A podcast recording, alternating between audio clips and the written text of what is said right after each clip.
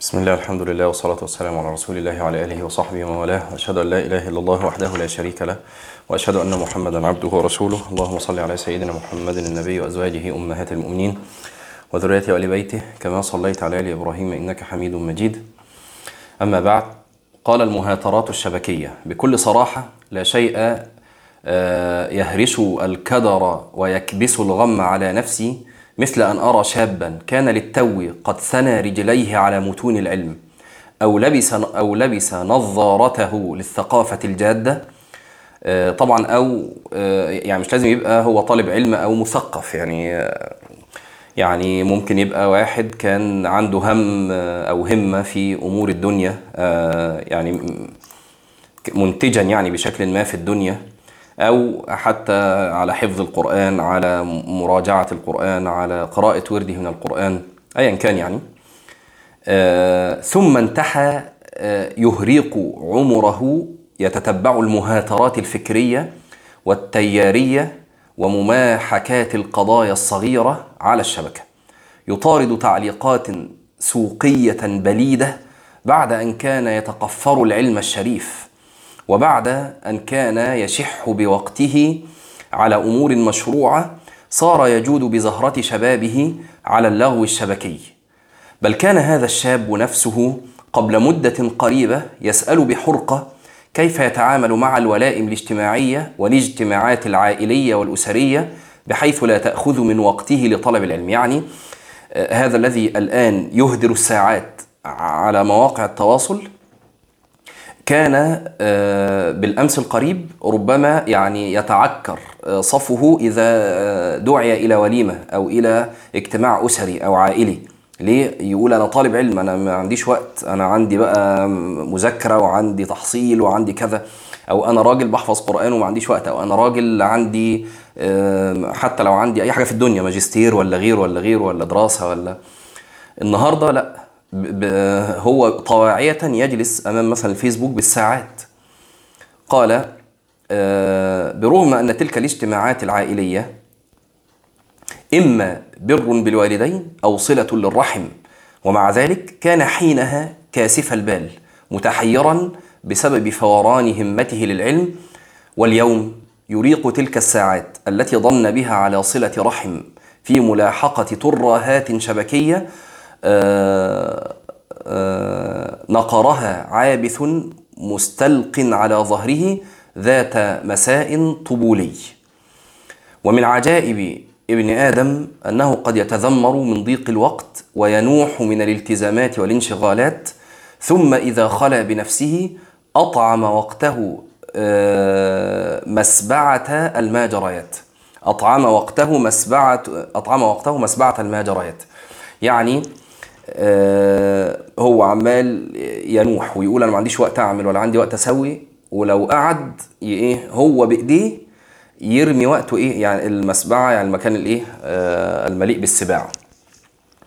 آه، فكأن هذه المجريات يعني في مكان إيه يعني تلتهم الوقت يعني. وأنا حدث معي يا جماعة وده كثيرا كان يحدث مع الشباب. إن واحد يجي يشكي لي الشكوى دي ال- الوقت ومش قادر أعمل وما عنديش وقت للتحصيل وكده فأجلسه وأقول له تعالى نحسب الوقت بالورقة والقلم. فنحسب الوقت يعني أقول له أنت بتنام قد إيه؟ يقول لي مثلا ست ساعات أقول له لا 8 أزود له ساعتين على النوم. طب أنت نتخيل كده بتاكل وتشرب في قد إيه في اليوم؟ لا إديها واقعد أكتر له في كل حاجة بيقولها. وبعد ما نخلص حساب الوقت كله يجد إن عنده في اليوم ست ساعات هو مش عارف هما فين. يعني وبعد ما زودت له كمان في الوقت يعني هو يقول لي انام ستة أقول له لا 8 طب باكل نقول ساعة؟ أقول له لا ساعة ونص. بتاكل في ساعة ونص الثلاث طاقات. طب مش عارف بصلي في قد إيه الف- الفرائض بالسنن؟ ساعة؟ أقول له لا اديها ادي لها ساعتين واقعد كده. يعني اقعد احسب له وقته فيطلع عنده في الآخر ست ساعات سبع ساعات هو مش عارف هم فين. آه راحوا فين؟ راحوا في كده في اللا شيء. ثم قال حجية كثرة الطرق آه، كثرة الطرق. حجية كثرة الطرق. من مشكلات التكوين عبر شبكات التواصل وخصوصا ذات النصوص أو المشاهد القصيرة أن الاتجاهات المنحرفة تعتمد فيها على كثرة الطرق للدعوة. يعني إيه كثرة الطرق؟ يعني آه، بلغة المصريين ال ال ال الايه الزن على الودان أمر من السحر. هو ده معنى كثرة الطرق. يقعد يدندن حول معنى معين. كذا غلط كذا غلط كذا غلط كذا يبقى كذا غلط. طب كذا صح وجميل كذا صح وجميل يبقى كذا صح وجميل. طب إيه البرهان بتاع إن ده غلط؟ إيه البرهان بتاع إن ده صح وجميل؟ مفيش براهين. هو إيه الزن على الودان أمر من السحر زي ما بنقول إحنا في المثل الايه الرائج يعني عندنا. قال أن الاتجاهات المنحرفة تعتمد فيها على كثرة الطرق للدعوة دون برهنة أو بحجة شعارية هاشه أو بحجة شعارية هشة من الداخل لكنها مع كثرة الطرق تأخذ شرعية تشبه شرعية الكثرة الانتخابية لا شرعية العلم والبرهان والدليل. وطبعا الأمثلة على هذا كثيرة جدا لكن ما فيش وقت إن إحنا نقعد إيه نبرهن على ذلك أو نذكر أمثلة. آه وهذه الحالة تؤثر على التفكير العلمي تأثيرا سلبيا عميقا بما ينتهي إلى حالة يمكن تسميتها حالة شلل المقدرة الاستدلالية عبر تورم المعرفة بالدعاوى والفرضيات والمزاعم. وضمور العلم بالحجج والبراهين والأدلة. وهذا يفضي تدريجيا إلى التوهان والحيرة واللا حسم يعني ما في شيء في حسم ما في شيء في خلاص صح وغلط. وبقت الأمور كلها يعني قابلة للأخذ والرد. وهذا موجود يعني في كثير من الحاجات اللي كانت بالأمس. أمور بالنسبة لنا يعني حتى يا جماعة إحنا اخرج بره عباءة الدين حتى. إحنا بنتكلم حتى في الأمور زي أمور أخلاقية مثلا. أمور أخلاقية. كان عندنا حاجة اسمها صح وغلط والصح يتفق عليه الناس والغلط يتفق عليه الناس في أمور كثيرة. الآن الأمور اللي كان متفق عليها إنها صح أو متفق عليها إنها غلط النهارده لأ. لقينا إن في فئات خارجة تقول إن الغلط صح والصح غلط. وده تحت إحنا بقى بنتكلم في عباءة الأخلاق. يعني سواء أنت مسلم أو غير مسلم حتى لو لا تؤمن بإله أصلا. لكن في حتة الأخلاق كان عندنا ده موجود في وقت من الأوقات. آه ف ليه؟ لكثرة الطرق اللي إحنا بنقول عليها. بعد أن استعرضنا بعض مظاهر المجريات الشبكية نعيد تأكيد السؤال. ما المطلوب؟ هل المطلوب مقاطعة هذه الوسائل المذهلة في قدرا في قدراتها واعتزالها؟ لا طبعا بل هذا رد فعل تجاوزي شديد الضرر. بل المطلوب هو التوازن. طبعا يا جماعة هو هنا بيتكلم على مسألة يعني الانقطاع تماما على الإنترنت أو نتوازن. إنما ما بيتكلمش عن جزئيات الإنترنت. يعني إحنا في ممكن في جزئيه نقول لا دي اتركها كلها فعلا. يعني واحد ما بيستفدش من الفيسبوك ده بحاجة أو هو لا يفيد أو لا يعطي عليه. يعني هو مجرد متلقي. نقول له لا اغلقه تماما. وفي قنوات أخرى كثيرة للتلقي. غير حتى لو أنت بتستفيد منه أنا نصيحة ليك لا اقفله تماما. الفيسبوك ده يغلق تماما. طب أنا بستفيد منه. هتلاقي قنوات أخرى زي زي ال ال اليوتيوب مثلا زي التليجرام زي وغيرهم. في قنوات أخرى لتلقي المعلومات اللي أنت بتتلقاها على الفيسبوك تلقاها من أماكن أخرى. ويغلق تماما لأن ده أكتر منصة بتأكل الوقت. بل المطلوب هو التوازن في معاملة نظم الاتصالات وإيلاء هذه المشكلة حقها من العناية وألا تقودنا مشاهدة النظراء إلى التساكت المتبادل وتجاهل المعضلة. يعني طلاب علم فالطالب ده شايف الطالب التاني مضيع وقته في الفيسبوك وهو نفسه مضيع وقته. فلو راح ينصحه التاني هيقول له ما أنت كمان بتعمل. فيحصل إيه؟ يحدث هذا التساكت المتبادل. يبقى أنا شايف اللي قدامي بيغرق وهو شايفني بغرق ولا أنا قادر أقول له آه حرام عليك وقتك ولا هو قادر يقول لي لأن هو في نفس المشكلة. آه طب إيه الواجب يا جماعة؟ قال الله عز وجل كانوا لا يتناهون عن منكر فعلوه. آه ذاما بني إسرائيل كانوا لا يتناهون عن منكر فعلوه. قال أهل العلم يعني يا جماعة الآية؟ كانوا لا يتناهون عن منكر فعلوه. يعني كلهم بيفعلوا منكر. الواجب أن يتناهوا فيما بينهم. يعني يعني يا جماعة لا يحملنك أنك واقع في معصية معينة إنك إن لا يمنعنك هذا أن تنهى غيرك عن نفس المعصية. لا. يعني أنا بفعل المعصية سين. ولقيت واحد بيفعل المعصية سين هي هي. هل لأني بفعل المعصية سين ما ينفعش أروح أقول له حرام عليك ما تعملش المعصية سين دي؟ ولا ولا أروح أقول له يجب عليك إنك تروح تنكر المنكر حتى لو أنت واقع في المنكر. كانوا لا يتناهون عن منكر فعلوه. قال أهل العلم ينبغي على شاربي الكؤوس أن يتناهوا فيما بينهم. يعني متخيلين وصلت إيه؟ يعني قاعدين في مجلس خمر. كله بيشرب آه حتى لو أنا بشرب الخمر. أقول لغيري اتق الله لا تشرب الخمر. خلاص؟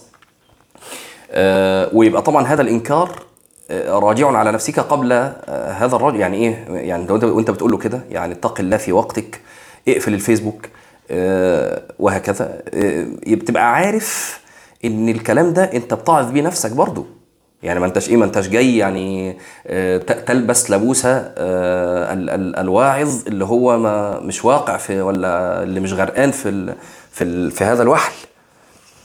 قال فمن كانت هذه الشبكات قد لكزته في دوامة الماجريات فيفترض به الوقوف الوقوف الصارم مع مع الذات وإعادة تنظيم العلاقة لتكون آه، متابعة منتجة أو لا متابعة خلاص يخرج. ومتناسبة مع القدر المطلوب فلا تطغى على مهامه الأخرى العلمية والعلمي والعملية. ولا تبعثر جمعية قلبه على الله. آه ودي يا جماعة كلمة مهمة جدا ولعل الكاتب يعني إيه لم آه يوليها قدرها في هذا الكتاب الحقيقة. آه، أشار إليها نعم أشار إليها من قبل لكن هي قدرها عظيم. يعني لو لو كان أفرد لها آه، فصلا آه، لكان جميلا. مسألة إيه بقى؟ مسألة ضياع الهمة وتبعثر جمعية القلب على الله سبحانه وتعالى. لأن هذا من أسوأ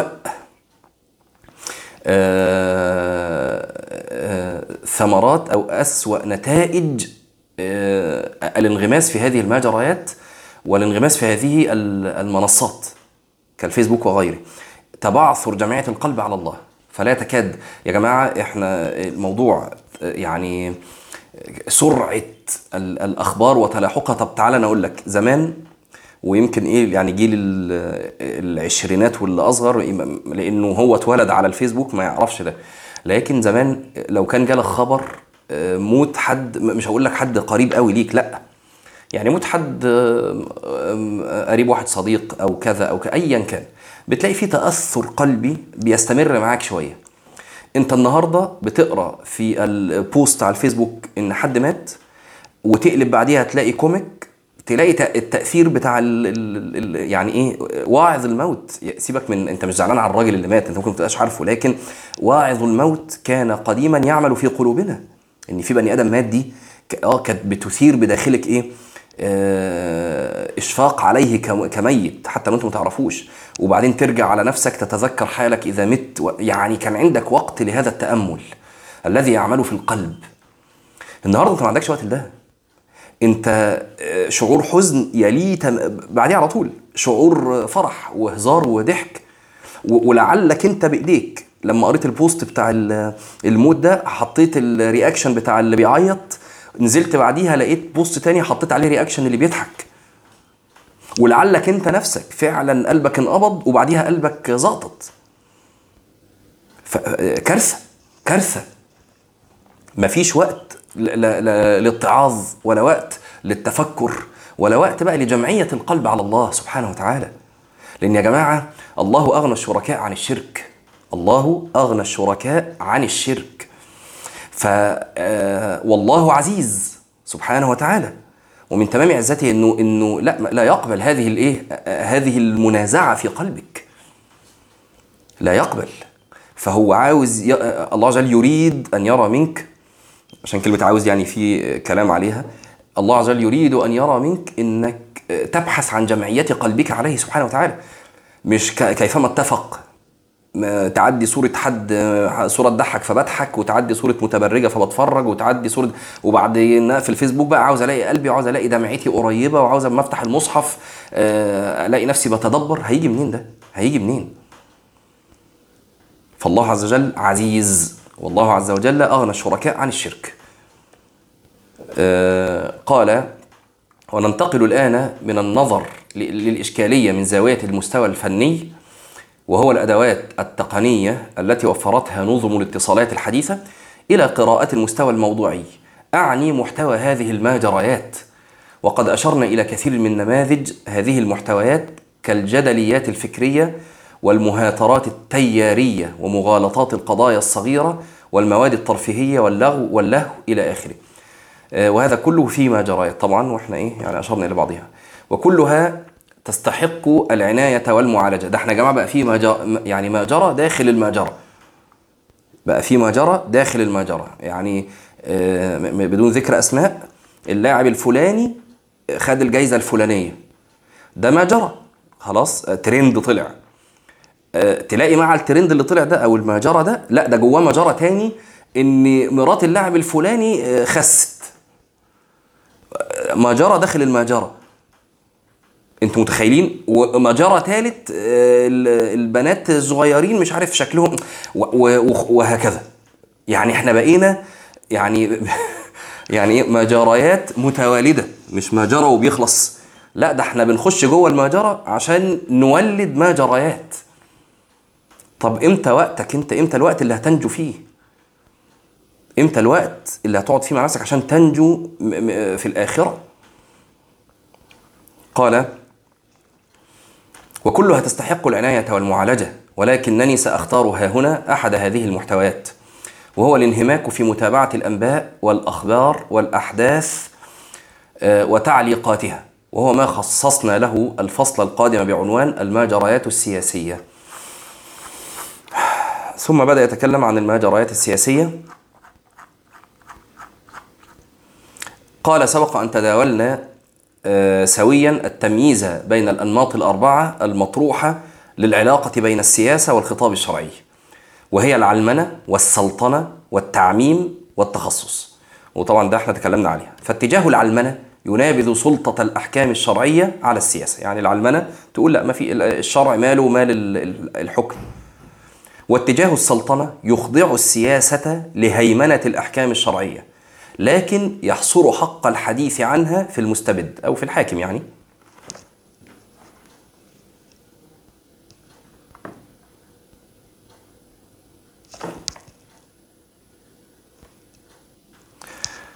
آه، آه، يبقى تكلمنا عن عن اتجاه العلمنة. ينابذ سلطة الأحكام الشرعية على السياسة وده واتجاه السلطنة يخضع السياسة لهيمنة الأحكام الش... لهيمنة الأحكام الشرعية. طيب جميل. فين الإشكال؟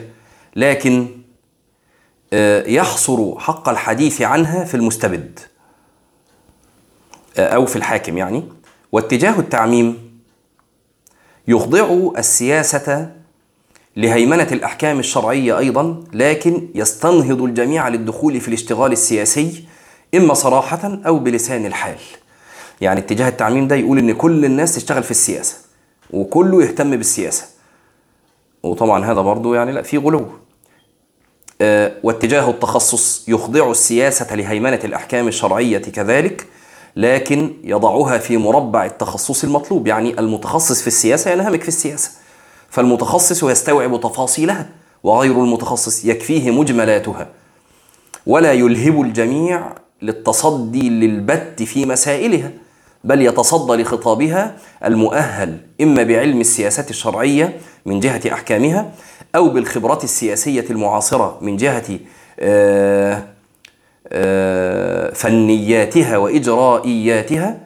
وهذا الاتجاه لا يعتبر الاشتغال السياسي هو المفتاح الوحيد للإصلاح بل هو خط مهم ونبيل لكن ضمن خطوط كثيرة علمية ودعوية لا يجوز الجور عليها في سياق تفخيم شأنه بل يجب أن يعطى وزنه الطبيعي أن يعطى وزنه الطبيعي لا باعتباره ابا للإصلاح يعني هو يا ما فيش إصلاح ولا باعتباره اجنبيا دخيلا عليه بل باعتباره أحد الأشقاء الأفاضل في عائلة الإصلاح. آه، وبعدين تكلم عن العلمنة والسلطنة وإن هي يعني تكلم فيها أناس كثيرون. آه، طيب. آه، طيب خلينا بقى نبدأ من هنا لأن يقول هذا يعني أننا يجب أن ننتخب عدة عينات للدراسة بحيث تكون جادة ومستقلة ولها موقف نقدي من إشكاليات التعميم السياسي. على أن تمثل هذه العينات شيئا من التنوع في الخلفيات المعرفية والجغرافية وزاوية النظر النقدي. ولأجل ذلك اخترنا نموذجا للعالم المصلح وهو البشير الإبراهيمي ونموذجا للداعية الإسلامي وهو الندوي وفريد الأنصاري ونموذجا للمفكر الإسلامي وهو مالك بن نبي والم- والمسيري. وهذه العينات تمثل أيضا تنوعات جغرافية من الهند الندوي ومصر المسيري والجزائر البشير الإبراهيمي ومالك بن نبي والمغرب فريد الأنصاري. وكل هذه الشخصيات لها رؤية لا توافق التعميم السياسي وكلها أيضا ليست موضع تهمة بأنها اتخذت هذه المواقف مصانعة لمستبد ما وإلا لفقد النموذج دلالته هنا يا جماعة هيعقد فصلا لكل منهم. آه، وإحنا ليس غرض الكتاب إن إحنا آه، نمر على كل هذه النماذج ولذلك هنختار نموذج أو اثنين. آه، يعني المرة الجاية إن شاء الله مش هناخد كل النماذج لا هناخد نموذج أو اثنين. لأن يعني ال ال ال ال المقصود من الكتاب بالأساس إن إحنا نخرج إن كان في وقت في تخمة سياسية وفي هذا الوقت كيف انعزل وانزوى بعض النماذج المشرفة لتنتج لنا نتاجا آه، معرفيا ضخما علشان نعيش التجربة دي ونحاول نستفيد منها. ده المطلوب. فمش هنقول الخمس نماذج اللي الشيخ يعني أو الكاتب أتى بهم وهنختار نموذج أو اثنين يعني إن شاء الله.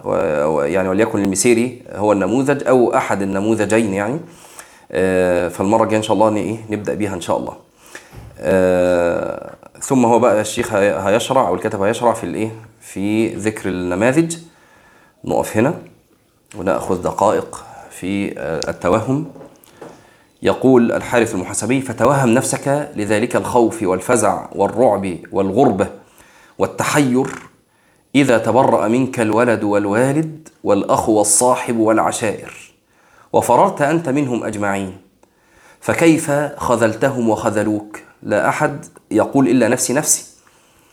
كلنا هننسى بعض يا جماعة يوم القيامة. يوم يفر المرء من أخيه وأمه وأبيه وصاحبته وبنيه.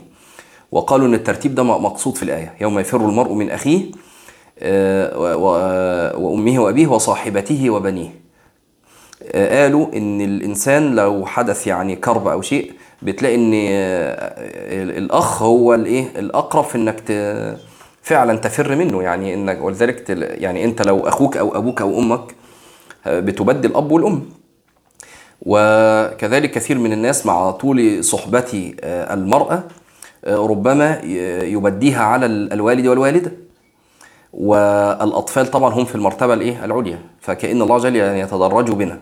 يوم يفر المرء من أخيه وكأنه يعني كأن المعنى إياك أن تظن أنه يفر من الأخ فقط لا بل أمه وأبيه. وإياك أن تظن أن الأمر يقف على ذلك لا بل صاحبته.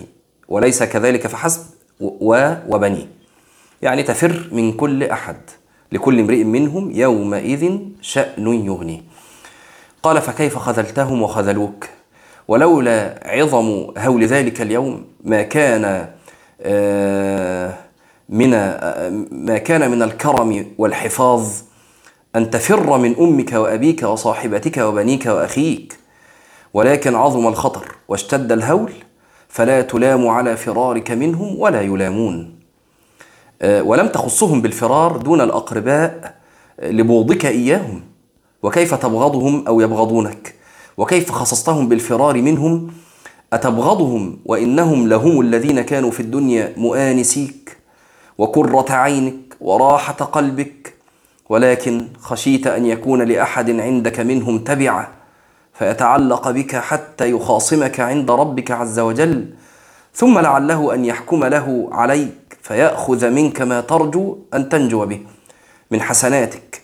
آه، فيفرقك آه، فيغرقك منها أو في يعني كلمة مش واضحة. فتصير فتصير بذلك إلى النار. فبينما أنت في ذلك إذ ارتفعت عنق من النار فنطقت بلسان فصيح بمن وكلت بأخذهم من الخلائق بغير حساب.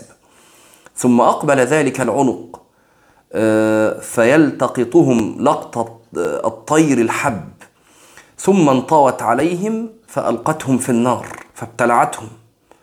ثم خنست بهم في جهنم فيفعل ذلك بهم ثم ينادي مناد سيعلم أهل الجمع من أولى بالكرم ليقم الحمادون لله على كل حال. فيقومون فيسرحون إلى الجنة ثم يفعل ذلك بأهل قيام الليل ثم بمن لم يشغله تشغله تجارة الدنيا ولا بيعها عن ذكر مولاه حتى إذا دخلت هذه الفرق من أهل الجنة والنار ثم تطايرت الكتب في الأيمان والشمائل ونصبت الموازين. فتوهم الميزان بعظمه منصوبا وتوهم الكتب المتطايرة وقلبك وقلبك واجف وقلبك واجف متوقع أين يقع كتابك في يمينك أو في شمالك. ماشي نقف عند يعني مشهد تطاير الصحف آه، نقف عند قوله ثم تطايرت الكتب. يعني أبدأ بها المرة القادمة.